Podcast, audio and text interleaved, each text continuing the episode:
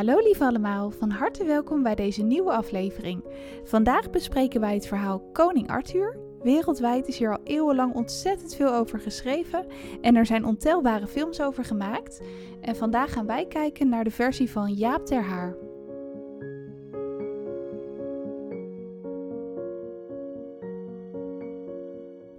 Nou, hier zitten we weer gezellig voor een nieuwe aflevering. Remco Ja, ja. en ik.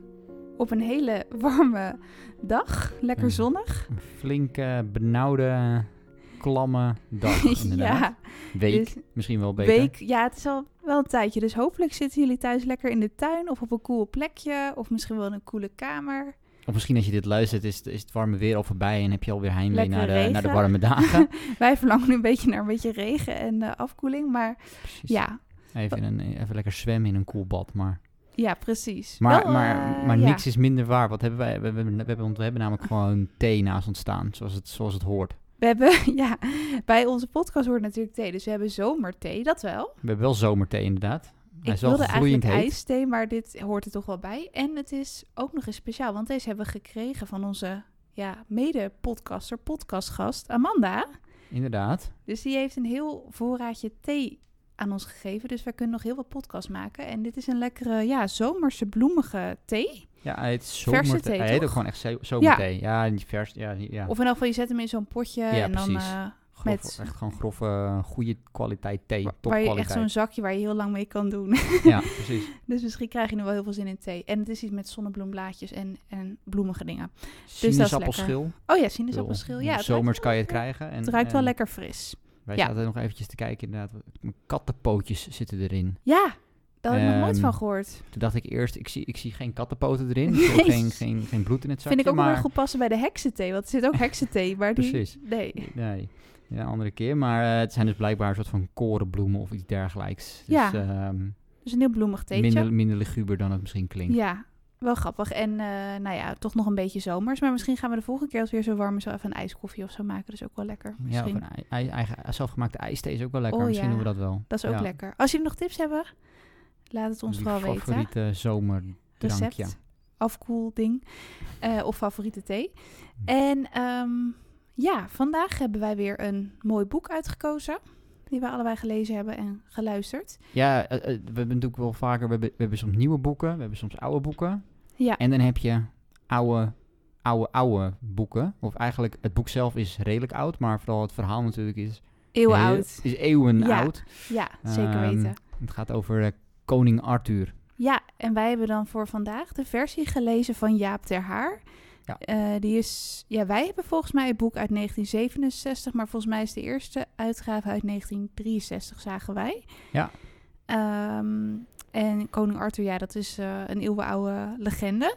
En Jaap ter Haar is een schrijver en historicus. En die heeft, nou, in 20 jaar tijd schijnt hij 80 boeken geschreven te hebben. Ja, Dus beetje, ongelooflijk. beetje, beetje tijd over of zo. Ik weet het niet. Die dacht van, ik ben historicus en dan schrijf ik ook af en toe nog wel een boekje tussendoor of zo. Ja, hij heeft dus ook heel veel kinderboeken geschreven, blijkbaar. En historische boeken en dus ook mythologische boeken. En dit is een beetje een combi, eigenlijk. Een Precies. legende en eh, historie. Ehm, Ja, en, ook wel eh, toegankelijk denk ik voor kinderen op zich. ja, ik, denk, ik zag ook best wel veel kinderen die dit toch wel gelezen hebben, ook op school. En wat hij ook doet, is de, dat hij er ook wel wat verhalende elementen doorheen doet. Zodat het, het voelt niet als echt een historisch boek of zo. Het voelt meer aan als gewoon een, fictieverhaal. Dus het is gewoon een verhaal wat wel toegankelijk is, inderdaad. Ja, want we hebben natuurlijk koning Arthur. En ja, ehm, nou ja, zoals je al een beetje zegt, het is een beetje een, ja, een legende. Sommige mensen denken dat het waar gebeurd is. Sommigen zeggen het is totale fictie. Eh, som- de meeste mensen denken dat het toch een soort van combinatie is geweest van hè, verschillende dingen die gebeurd zijn in Engeland op dat moment. En eh, nou ja, dat die dingen een beetje samen zijn gekomen met een beetje fantasie, hè, een beetje opgeblazen. En er zijn er ook nog een keertje, nou, tientallen slash honderden verschillende versies van. Dit is Ja. natuurlijk één van de versies van. Ja, Klopt. Met, met bepaalde elementen, waarvan natuurlijk koning Arthur er eentje is die, eh, die, die, die standaard terugkomt, maar ook eh Merlijn de Tovenaar. Lancelot, de ridder. Precies, Komt volgens mij ook. Maar ook weer niet in de eerdere versies, inderdaad. Ja. Eh, ik heb een beetje... Ja, ik was wel benieuwd hoe er nou naar werd gekeken. En sommige mensen denken eigenlijk dat Arthur een Romein was. Sommigen denken dat hij een, een Romeins-Bretonse koning was. En anderen denken Zo. weer dat hij een, ja, gewoon echt een hele belangrijke koning was. Anderen denken weer dat hij een legeraanvoerder was. Ze hebben echt veel, ja, historici hebben onderzoek ernaar gedaan, archeologen. En ja, het schijnt nog steeds niet zeker te zijn of hij nou wel of niet bestaan heeft. Waarschijnlijk eh, zullen we het ook nooit weten, want Nee. ja, dat speelt ze af in de, ja, in de zesde of de zevende eeuw. eh, Zoiets. Iets in die Ja. richting. Dat is best wel lang geleden. Weinig bronnen uit die tijd. Precies. In ieder geval weinig bronnen waar je over die tijd misschien. zeker van weet Ja. wat het eh, daadwerkelijk eh, gebeurd is, om het zo maar te zeggen. En dat het niet fictie is. En dat is ook de Eh. kracht wel van, want ik denk dat heel veel mensen wel een keer van koning Arthur gehoord hebben. Je hebt er ook zoveel films over. En Merlijn de Tovenaar trouwens ook. Ja, die komt daar natuurlijk ook eh, belangrijk voor. Want Ja. dit boek ook inderdaad begint met eigenlijk de toenmalige koning op dat moment in Engeland. En, ehm, Uther, en die wordt aangevallen. Eh, of, of zijn koninkrijk wordt aangevallen. En eigenlijk komt Door de Saksen, toch? Ja, door de. Saksen. En Merlijn die geeft dan eigenlijk aan van... hé, hey, eh, eh, ik kan je gaan helpen om de Saksen te overwinnen. Maar ehm daar heb ik wel één voorwaarde. En dat is dat jij, nadat je gewonnen hebt... en dat is het, dat jij het rijk hebt verdedigd... dat je jouw zoon aan mij geeft. Ja. En Merlijn is een beetje een, een, een, een, tovenaar slash wijsman... eh, waarvan heel veel dingen onduidelijk zijn. En die woont eigenlijk een beetje eh, in zijn eentje in het, eh, in het bos. ja, een mysterieuze figuur. Een beetje, hij wordt hier ook echt als ziener genoemd. In andere verhalen zal hij ongetwijfeld wel weer een echte magier of een tovenaar zijn. En hier is hij gewoon een, een lange, mysterieuze figuur. Ja, soms Eh, Heel een- wijs, vooral ook. Hij wordt eh, vaak ook als een soort van paladin gezien. Dat is een beetje een soort van inderdaad een combinatie eigenlijk tussen een magier en een, en een strijder, om het zo maar te zeggen. Hè, in het verhaal ook heeft hij een, een, een zwaard bij zich of iets dergelijks. En het idee is Ehm. volgens mij ook dat hij eh, de chroniek heeft geschreven over koning Arthur. Dus dat, eh, natuurlijk, ja, hij heeft het geschreven, maar die schrijft een beetje vanuit het oogpunt van Merlijn. En die schrijft dan de avonturen op hoe het is begonnen tot hoe het is geëindigd. Ja, dus Merlijn die, eh, of, eh, Merlijn die zegt dus van nou, hey, als jij, als jij die, die, die vijand wil verslaan, dan geef je mij daarna je zoon. Nou ja, die, die koning die heeft natuurlijk zoiets van ja, niet geschoten is altijd mis. Die twijfelt wel heel erg, want die heeft zoiets van ja, dit is mijn zoon. En eh, nou ja, zijn vrouw zegt ook van dat kan je toch niet maken. Maar En het uiteindelijk... is zwak ook, hè? Want het schijnt ook dat die Romeinen net weg zijn. En dat ze dus een beetje de Britten in zwaar weer verkeren, zeg maar. Het is Ja. in Brittannië, geloof ik, hè? Dit- ja, dus deze, eigenlijk deze de versie huidige? Engeland slash Groot-Brittannië, daar speelt het zich eigenlijk af. Ja. Eh, toen was het natuurlijk nog wel allemaal even anders. Ja, ze noemen dit is. Brittannië inderdaad. En dat ze dan de Saksen, daar moeten ze tegen vechten. Eh, en dan eigenlijk, nou, dan, dan vindt die strijd plaats. eh, want nadat eigenlijk de koning met Marlijn het eens is geweest, dus hij, die heeft die belofte gemaakt. En dan wint hij. En dan komt Marlijn naar de koning toe en zegt hij, hé, hey, koninkje, jij hebt me iets beloofd. En dan begint de koning eigenlijk te smeken bij Marlijn om niet zijn zoon mee te nemen. Maar goed, ehm, vrij snel blijkt dat dat weinig nut heeft, want Marlijn eh, die, die, die, die blijft gewoon eh, staan. En die zegt van, je gaat maar komen met je zoon. En dan zegt de koning, oké, ik heb het beloofd. En dan wordt dus eigenlijk de zoon wordt overhandigd aan Merlijn. En Merlijn die gaat dan eigenlijk, die, die trekt zich terug met die zoon. Overlijdt die koning niet? Die overlijdt later inderdaad. Dus eh, die houdt nog wel de macht eventjes. Maar wordt daarna eigenlijk bestormd. En eh, ja, er komt gewoon weer iemand anders aan de macht. Eigenlijk een beetje wat er toen de tijd sowieso gaande was. Hè? Dus sowieso eh, ja, was er één koning of waren er meerdere koningen. Eh, op dat moment waren er meestal meerdere koningen. Dat is meer van, hey, je, je hebt een kasteel en het gebied eromheen. Daar ben jij dan koning van. En iedereen heeft zo zijn eigen, eigen stukje, zeg maar. Dus, en, dan, en dan werd je een kasteel werd bestormd. En dan werd die koning Ja, er waren ook veel... eh, koning wel vermoord. Want dat, ja, wat ga je anders met zo'n man doen? Dat Ja, er waren op. veel opstandige edelen, of in elk geval er was veel verdeeldheid. Ja. En daardoor was die koning inderdaad ook zo wanhopig dat uiteindelijk eh, hij zijn zoon Arthur eh, heeft toevertrouwd aan de ziener, Merlijn.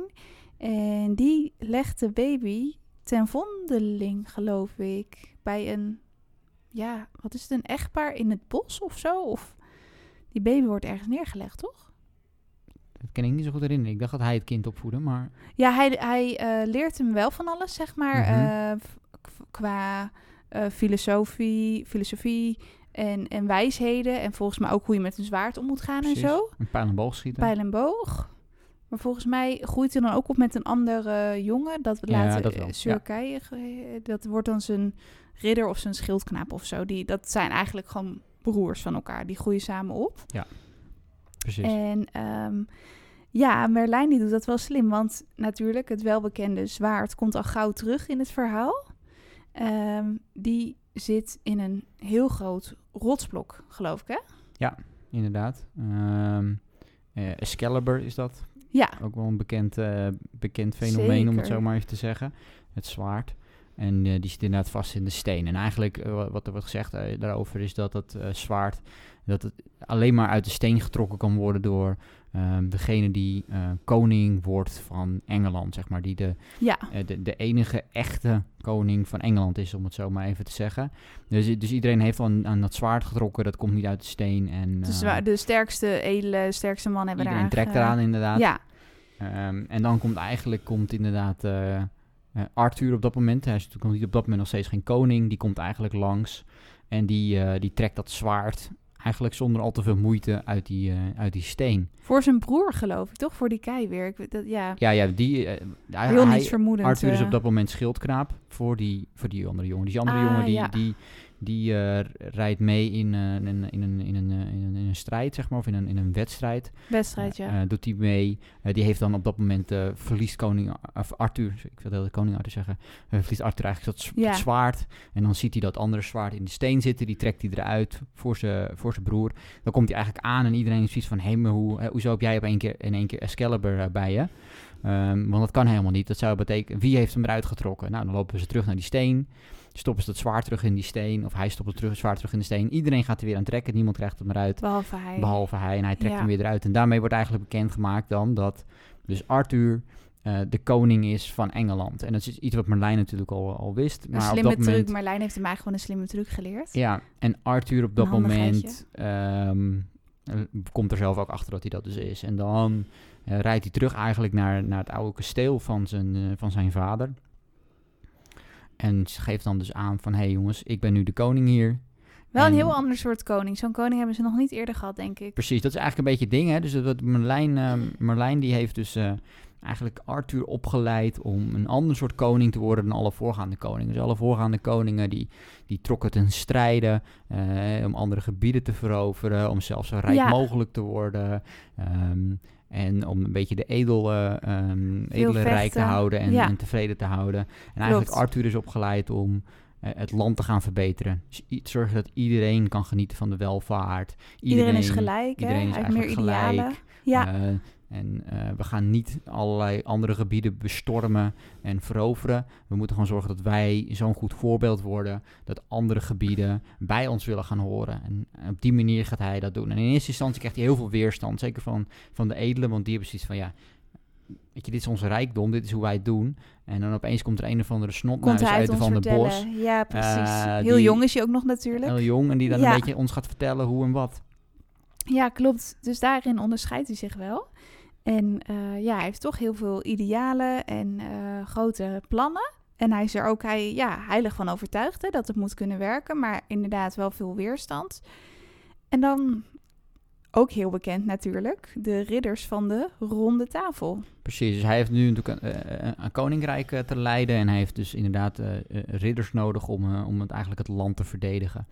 En eh, dan kiest hij ervoor inderdaad om de welbekende eh, ridders van de ronde tafel te gaan. eh, dus hij creëert een ronde tafel, zodat iedereen die aan die tafel zit gelijk is. Niemand zit aan het hoofd. Precies, ja, normaal heb je een vierkante, maar in de meeste gevallen heb je een, een rechthoekige tafel, dus een langwerpige tafel, waarin dan de koning en de koningin vaak aan, beide uiteinden zitten, of in ieder geval de andere leidinggevende, en de rest zijn eigenlijk ondergeschikt aan die koning. En omdat hij een ronde tafel creëert, ehm, is dat niet het geval. Ehm, en dat is natuurlijk ook een beetje symbolisch in ieder geval, maar dat is wat hij doet. Eh, en daarmee geeft hij eigenlijk aan van jongens, we zijn allemaal gelijk en we, we, we willen alle, we moeten zorgen dat we met z'n allen dat wij ehm, beter zijn dan de rest eigenlijk. En niet in, beter in vechten, maar beter in gewoon het zijn van een beter mens. Ja, wat ik ook wel een grappig feitje vond, die ronde tafel komt natuurlijk ook in al die versies terug en in allerlei soorten en maten. Maar dat is wel natuurlijk een beetje onlosmakelijk verbonden met koning Arthur, die ronde tafel en de ridders. En er is dus zo'n kasteel in Zuid-Engeland, geloof ik, Winchester. En daar eh, staat dus al heel veel eeuwen staat daar, eh, of hangt daar een rond tafelblad aan de muur in de Great Hall. En heel veel mensen die waren daar helemaal door geïmponeerd, want die dachten dat dat de ronde tafel was, waar echt koning Arthur aan zou hebben gezeten met zijn ridders. Maar toen is daar dus heel veel onderzoek naar gedaan. Hè, want we zeiden het al, dit verhaal dan hè, speelt zich af in de zesde eeuw. Volgens mij gaan wel veel legendes ervan uit dat het ook inderdaad in die tijd heeft uh, plaatsgevonden. En dat uh, tafelblad dat is vervaardigd in de dertiende eeuw. Dus dat is toch gewoon uh, ja, een verhaal. Maar dat is niet echt de ronde tafel geweest uit die tijd. Daar is het gewoon niet oud genoeg voor. Gewoon namaak. Gewoon neppe shit. Ja, dus, ja. Uh, maar wel een heel mooi tafelblad. Maar wel grappig dingen. Dus mocht je ooit in Winchester zijn, wel bekijken Mm, waar, denk en ik. een tafelblad uit de 13e eeuw, wat dus nog gewoon meer dan 700 jaar oud is blijkbaar. Of 700 jaar oud. Alsnog heel 700 jaar oud. bijzonder, natuurlijk. bijzonder. Heel eh, mooi eikenblad. Ja, precies. Met allemaal namen, geloof ik, ook erop geschreven. Dus dat impliceert dan misschien weer dat het zogenaamd die ridders zouden zijn. Nou ja, we hebben het nog niet met onze eigen ogen gezien, maar daar wordt veel eh, over geschreven. Maar inderdaad, de ridders van de ronde tafel. En wat ook nog wel een eh, belangrijk detail is. Hè, eerst in het begin van het eh, verhaal is Arthur alleen. Hij wordt koning. Nog ongetrouwd volgens mij. Precies. En Ja. op een gegeven moment komt zijn hofnar. Vond ik ook wel een heel leuk karakter. Eh, de voorlezer sprak het uit als Guy. Maar ik hoop dat dat goed is. Ja. Die zei van, hey, koning, ik, wat is er met u? Lijkt zo eenzaam. En nou ja, dan komen ze, komen ze er dus op dat de koning eigenlijk een vrouw mist. Hij is niet getrouwd. En dan krijgt hij zijn koningin. Ik weet even niet meer hoe. Ze gaan ergens op bezoek, geloof ik, bij een of andere vorst met mooie dochters. Ja, precies. Er wordt eigenlijk, eh, wordt eigenlijk een beetje op de traditionele manier, traditionele manier uitgehuwelijkt. Eh, die heeft, eh, uit mijn hoofd als ik het even zeg, drie dochters. Waarvan er eigenlijk al twee eh, zijn vergeven. eh, Volgens zoals mij dat, eh, ook. wordt eh, Zijn gezegd. jongste hè. dochter is dan nog vrij, zeg Eh, maar. dus er is nog één dochter Ja. vrij. Ehm, en daar eh, wordt, Guinevere. eh, en daar wordt eh, Arthur eh, helemaal eh, verliefd ja, op. die is gelijk verliefd, op slag verliefd. Dus Vraag is wel trouwen. of dat is, dit is nou typisch een dingetje wat in, de- in, de, eh, in, in, in, de praktijk toch niet echt helemaal zo is. Althans, het gebeurt wel, maar of, dan, of hij dan echt verliefd wordt op diegene, of dat het toch gewoon een. Ik heb het idee dat daar bijvoorbeeld een Game of Thrones wat realistisch is, zou ik maar zeggen. Het is Ja, gewoon dit is uitgehuwelijkt en het is bedoel gewoon je? eh, van ja, weet je, dit is, het, eh, dit is politiek gezien het meest verstandige. Dus Ja. laten we dat maar lekker doen. En dit is wel een, een wat goed, eh, verhaal- toegankelijker, romantischer verhaal inderdaad. eh, waarin hij echt als een blok valt voor Guinevere. Terwijl bijvoorbeeld inderdaad in Game of Thrones... daar is het natuurlijk allemaal wat veel harder... en misschien in die zin wat realistischer beschreven. Ja. Maar dit is dan bijna meer een soort sprookje eigenlijk. Precies. Eh, het is ook wel nodig eigenlijk hoor. Ik bedoel, eh, het leest wel voor wat prettig. er dat en voor wat er later gebeurt of later gebeurt. Voor Maar- alle intriges. Eh, ik bedoel, als hij Ja. niet zeg maar zo emotioneel aan haar verbonden was geweest, dan zou hij misschien ook niet. ehm, Stort het hele verhaal aan elkaar. ja, dan stort, nou, ja, ik stort niet helemaal aan, maar dan wel een deel van het verhaal. een deel van het elkaar. verhaal. Ja. En, en, eh, ja, inderdaad. Ja, en die Hofnar vond ik ook wel eh, grappig. eh, Ja, die, die, die, wordt, die wordt goed geschreven. En, en Vond ik wat, ook. wat wel interessant daarin is, is dat, dat, dat we weten ook niet helemaal precies duidelijk natuurlijk wat, wat, wat Hofnar nou allemaal precies deden. Maar een van de dingen die wat duidelijk waren, eh, die toch een beetje duidelijk zijn, is dat Hofnar best wel divers, diverse functies eigenlijk bekleden. Hè. Ze vaak speelden ze een stukje muziek, ze deden vaak een stukje humor, ze deden vaak nog allerlei andere dingen daarnaast. Er waren best wel belangrijke functies op dat vlak. Ja, hij gaf En ook wel ze- advies. Ja, Ja. en dat doen, dat doen ze best wel goed in dit boek. Want, want we, we hebben vaak het idee, als je ook vaak in films of in andere boeken kijkt, dan is de hoofdnar eigenlijk degene die de koning heel belachelijk maakt, om het zo maar te Bijna een zeggen. soort clown of zo. Een soort van Ja. clown. En dat zit hier ook natuurlijk wel een beetje in. Maar wat wel grappig is, dat op een gegeven moment eh, Arthur een paar keer zich verspreekt of niet goed uit zijn woorden komt. Zeker in het begin, hè, want hij is nog een beetje een opstartende koning. Hij heeft niet die ja. die training gehad om echt koning te worden. En hij is een beetje er zomaar ingerold, om het zo maar te zeggen. En dan is die Hofnar, die doet echt precies eh, wat, wat, wat je zou verwachten ook. Is namelijk dat hij iedere keer eigenlijk of de leegte opvult, Ja. of eigenlijk alles wat, wat Arthur verkeerd vertelt, om het zo maar te zeggen, of verkeerd uitlegt. Dat eh, maakt hij zeg maar een soort van belachelijk, waardoor iedereen lacht en waardoor iedereen Hij leidt beetje- het af. Ja, precies. Waardoor hij het heel erg afleidt. Ja. Waardoor hij een nog dommere opmerking maakt, waardoor die opmerking van Arthur minder dom aanvoelt. En dat, Ja, echt een Ehm, beschermer van en tegelijkertijd is hij ja. dus ook nog een keertje eigenlijk een soort van diplomatiek eh, bezig. Want hij bepaalt, of hij helpt in ieder geval inderdaad met het vinden van, van, van een vrouw voor koning Arthur. hij heeft Dus, overal eh, oog voor. En ze zijn ook echt goede, ja, goede vrienden, toch wel? Ja, dus dat is wel echt, dat, is wel, dat vond ik wel echt goed geschreven. eh. Daardoor, misschien ook omdat toch Jaap de Herder, eh, Jaap de Herder schrijver, dat hij toch echt een historicus is en zich daar ook echt wel eh, in heeft verdiept natuurlijk en daar veel kennis van heeft, zie je dat op die manier wel, wel terug, denk ik. Ja, en hij snapt de functie van de, van, van de Ja. Hofnar heel goed. Omdat het de Hofnar inderdaad niet, zeg maar, een soort van Bassie en Adriaan is, zeg maar. Die, Nee. die één wieler door het kasteel heen aan het rijden was en eieren tegen de muur aan gooide. Maar wel echt iemand was die een belangrijke functie had binnen, eh, binnen, eh, binnen het kasteel. Om het zo maar Een te zeggen. veelzijdig karakter. En je gaat ook echt een beetje om die Guy eh, geven. He, best wel een sympathiek karakter. En je komt er ook weer achter dat hij een bepaalde geschiedenis achter zich heeft. Maar dat mag je dan natuurlijk niet prijsgeven, want de koning is belangrijk. Hè? Er hoort niet je eigen persoonlijke belang bij. Maar goed, soms wordt er een tipje van de sluier opgelicht dat hij dus toch wel eh, ja, een liefde heeft gehad, maar dat dat heel verdrietig is geëindigd. Dus dat hij ook wel weer ja, een heel veelzijdig karakter eigenlijk. Dus dat, eh, dat is wel leuk. Ja. En, eh, maar goed, van Guy tot Guinevere. Nou ja, die, die Arthur en Guinevere gaan trouwen. Maar daar heb je ook weer een belangrijk karakter, Lancelot. Ja. Een van de ridders. In, de, in dit boek wordt hij trouwens Lancelot genoemd. Maar in heel veel andere legendes stond weer Lancelot. Dus nou ja, daar is ook weer waarschijnlijk de mening over verdeeld. Ja, ik, ik ken hem vooral als Lancelot. Dus in mijn hoofd is het gewoon Lancelot. Maar Ik dacht ook ehm, Lancelot. Nou ja, maakt ook verder niet uit. Laten we gewoon Lancelot zeggen dan. Misschien dat de historicus zegt van nou, het is toch de, de uitspraak toen de tijd was, was anders. Maar laten we maar gewoon zeggen Lancelot. erop. Er waren ook zoveel variaties van mij op al die namen. Maar dat is, geloof ik, een hele trouwe ridder. En vriend Ja. van koning Arthur. hè? En die gaat de koningin ophalen, die Guinevere. Of die reist met haar mee. Ja, inderdaad. En die krijgen daar een hele bijzondere band. Precies. En dat, wordt, eh, dat is eigenlijk een beetje een probleem inderdaad. Eh, dus eh, uiteindelijk, want Arthur gaat eerst terug naar zijn kasteel. Dan op een gegeven moment dan moet zij dus gehaald worden om... Naar en dan Camelot gaat- te gaan. naar Ja. Camelot te gaan, naar het kasteel te gaan. En dan eigenlijk Lancelot en Guinevere. Ja. ehm, die, ja, die doen een beetje Marvin Gaye, hè. Let's get it on, om het zo maar te zeggen. Hè? Dat is een beetje wat er gebeurt volgens mij. Toch wel, eh, ja, onbewust komen er toch die gevoelens zo vrij. En eh, nou ja, daar is toch wel heel veel liefde. Maar ja, dat kan natuurlijk eigenlijk niet. En eh Lancelot wil natuurlijk ook heel trouw zijn. En Guinevere ook. Dus dat proberen ze maar gewoon te vergeten. En achter zich te laten. Maar zo makkelijk komen ze daar helaas niet van af. Want ja, er is ook nog een gevaarlijk figuur in het spel. Ja. dus, Modred, Modred. Ja, Modred, of hoe, Hm. hoe je mag uitspreken. Dat is trouwens wel apart, want in dit boek is hij de zwager, geloof ik, Ja. van koning Arthur. Maar ik las volgens mij in weer andere versies dat het dan weer de zoon was. Dus nou ja, Ja, daar zijn misschien ook weer allemaal verschillende Ja, dingen over. maar in dit geval is hij dus eigenlijk eh, de, de, de broer van, eh van Guinevere. Ja, hè? Dat is het idee, toch? Ja, Ja. En eigenlijk, eh, je moet het zo zien natuurlijk, dat zij eh, uit een ander, eh, een ander edelgezin k- vandaan komt. En eigenlijk Ja. die, die broer van haar, die wil eigenlijk de macht grijpen.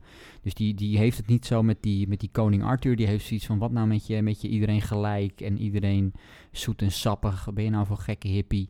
Ehm, En dan even wat anders. Dit is even in onze taal verwoord, Ja, maar ja, Hè, maar, maar wat, wat, hij zag wat- niet zitten. Ah, die, die ziet die hele king- koning Arthur niet zitten. Die, die snapt niet wat daar gebeurt. En die heeft gewoon zoiets van, weet je wie er op die troon moet zitten? Ik.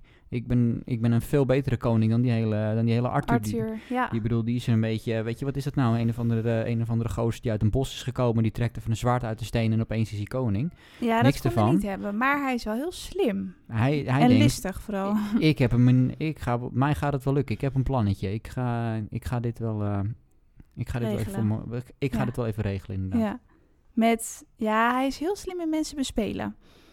Verschillende mensen die al een beetje, je zei het al, hè, heel veel mensen waren al een beetje opstandig vanwege Precies. Arthur. Die eh, zagen het al niet helemaal voor zich dat hij eh die vorst werd. Ja. Dus er was al heel wat onrust en daar maakt hij eh, slim gebruik van.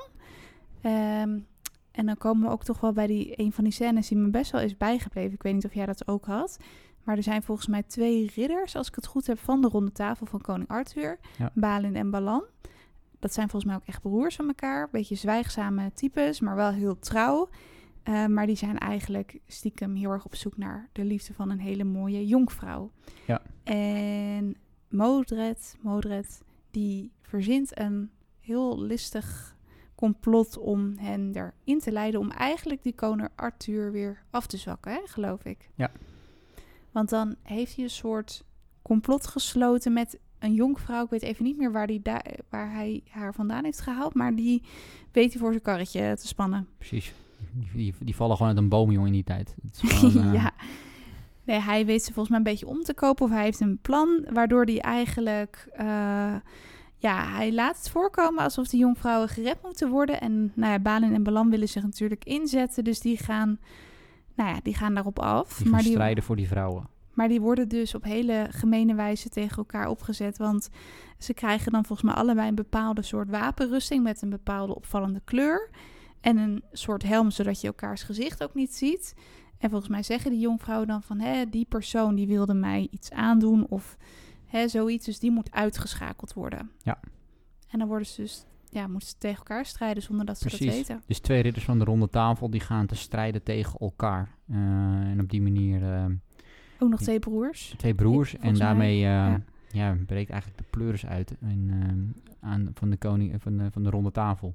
Nou ja, en dat vond ik ook wel een heel eh, ontroerend moment dat ze dus eh, uiteindelijk hoorden ze elkaar stem, want ze zagen elkaar niet en ze waren ook zo erg verwond. En dan hoorden ze elkaar stem en dan vertellen ze elkaar dus van, hè, ik deed voor een jonkvrouw, ja ik ook, was ze mooi. En dan ja, sterven ze toch wel samen en dan is het, hebben ze er vrede mee. Ze begrijpen elkaar eigenlijk met heel weinig woorden. En die jonkvrouwen zien dan wat ze gedaan hebben en die gaan naar het klooster. Want die kunnen er niet meer mee leven. Die, eh, Nee. Ik weet niet helemaal wat die bedacht hadden, hoe dat ging aflopen. Nee, ik ook niet, maar die Eh, gingen gewoon naar een klooster en die...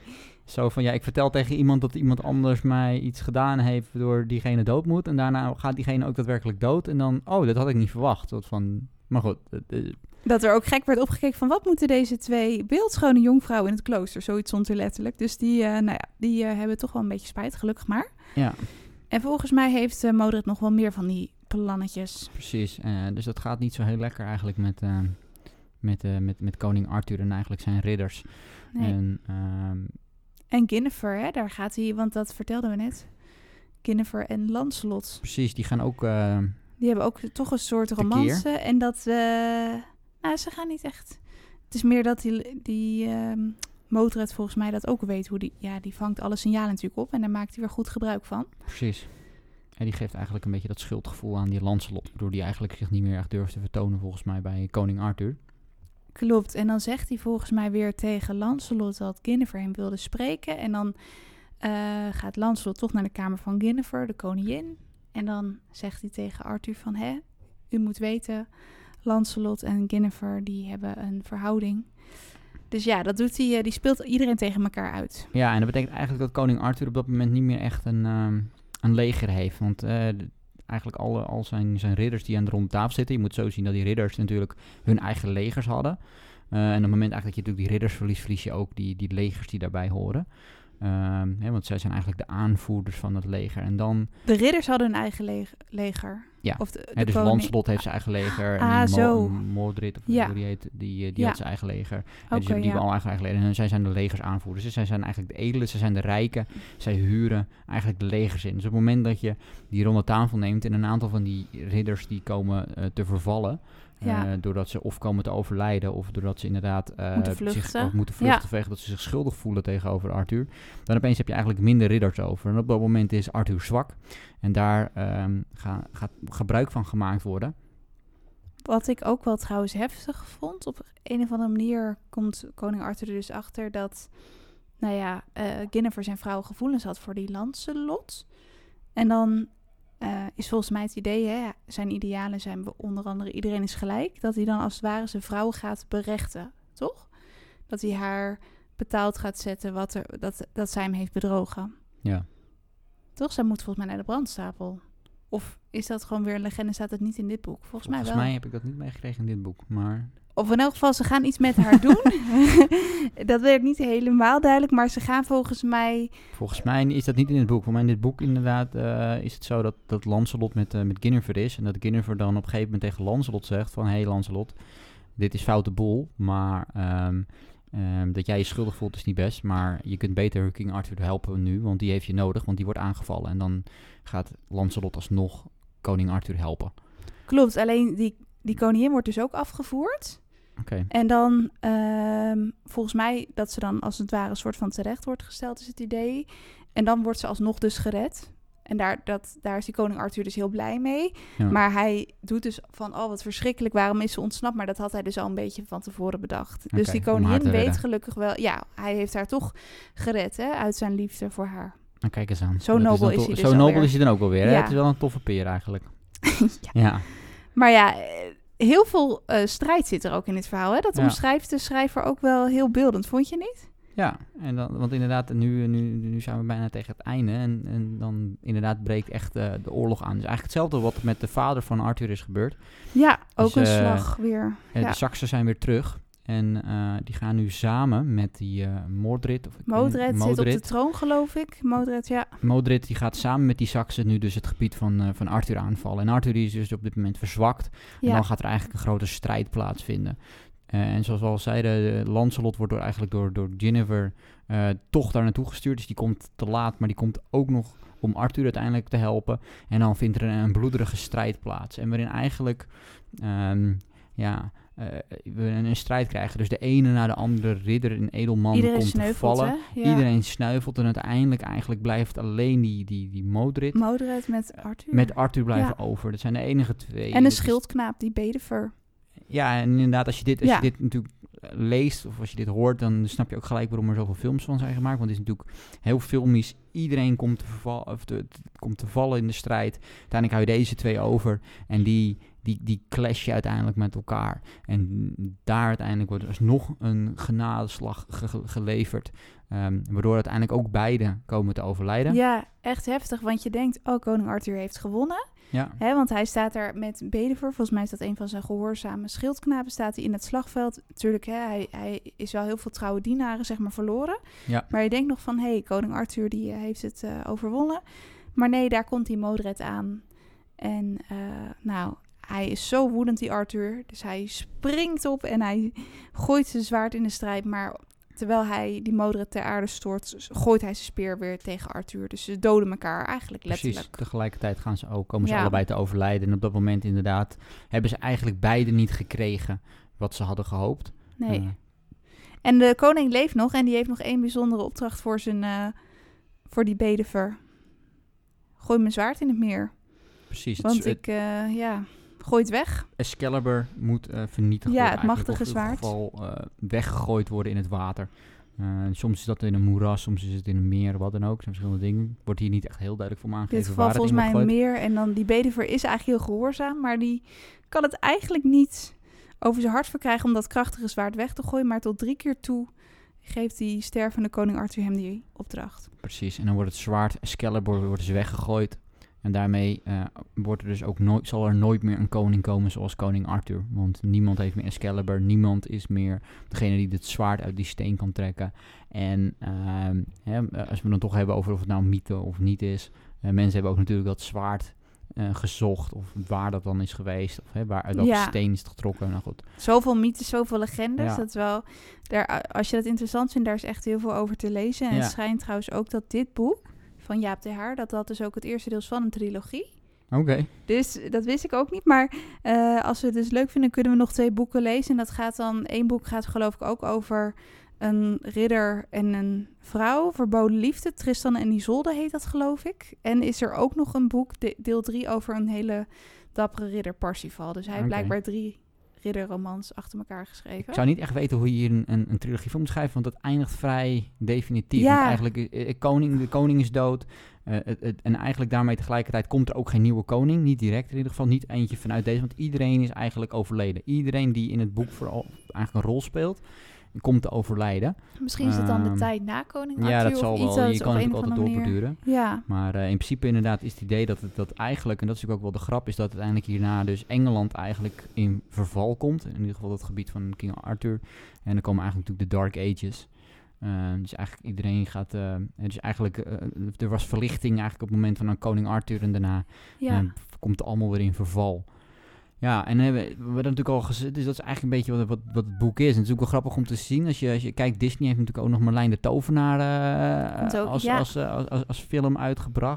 Wat eigenlijk ook op gebaseerd is, waarin de focus wel wat meer wordt gelegd op, eh op Marlijn de Tovenaar. Wat op zich logisch is voor Disney, want het is natuurlijk veel Magischer. magischer en Ja. komischer karakter dan, eh, dan, eh, dan koning Arthur. Daar is eigenlijk ko- koning Arthur een beetje de, de, de zij, het, het zijverhaal, om het zo maar te zeggen. Is het zijspoor in het verhaal. Ja, en verder heb je nog, ik, ik weet in ieder geval dat eh, het zal inmiddels tien jaar geleden zijn geweest. Zo was er een koning Arthur met, eh met Karen Knightley en Clive? Owen en zo. Ja, dat was, dat was een beetje een, een matige film, eh, kan ik je herinneren. Dat was toen de tijd, was het, eh, was toen, toen was het vol met allemaal films zoals, eh, dat je toen Troy en dat soort dingen allemaal. Oh ja, Allemaal, ja, ja, ja. allemaal van die films en die historische films. En Ja, ja, dat was een beetje tekenfilms ook. Ja, Ja, zoveel maar. Twee jaar geleden, denk ik, of anderhalf jaar geleden is, was, nee, ik denk twee jaar geleden inmiddels alweer, is, was, was Guy Ritchie er met, met een King Arthur film. Oké. En dat was wel een. Dat vond ik wel weer een hele aanrader. Dus ik weet dat heel veel mensen het ook een, een matige film vonden, maar ik vond hem wel heel erg leuk. Wel vrij veel, veel actie, maar wel een interessante vertelling eigenlijk van het Kon- Koning Arthur verhaal. Lijkt het op dit boek? Komt het een beetje overeen met elkaar? Eh, deels, eh, de, dat, die film heeft wel veel meer fantasy erin. Dus daar Oh ja. zitten, de, je krijgt daar Draken bijna... en zo ehm, ook, of niet? Niet per se draken, maar je krijgt bijna een soort van bijna eh, een beetje 300-achtig gevoel. Dat is ook een, een, een, een, eh, een film over, een, oorspronkelijk een comic over de, over de Spartanen. En dat zit hier ook in. Dus je hebt hier, de, in deze film zitten, hè, het, het zwaard is echt magisch, om het zo maar te zeggen. Oh ja. Ehm, ook worden, lopen er dan olifanten door Engeland heen en dat soort dingen. Hele grote olifanten waar dan een soort van gebouw mee worden gesloopt en noem maar allemaal op. Dus, en er zijn ook echt magiërs veel en dat soort dingen. Ook vrij veel actie. Ja. Maar er zitten ook wel heel veel elementen in. Daar zie je ook wel. ehm, maar heel veel elementen zijn ook wel weer hetzelfde. En dat is best wel leuk om te Ik vind het best wel leuk om te zien hoe je zo, hoe zo'n oud verhaal.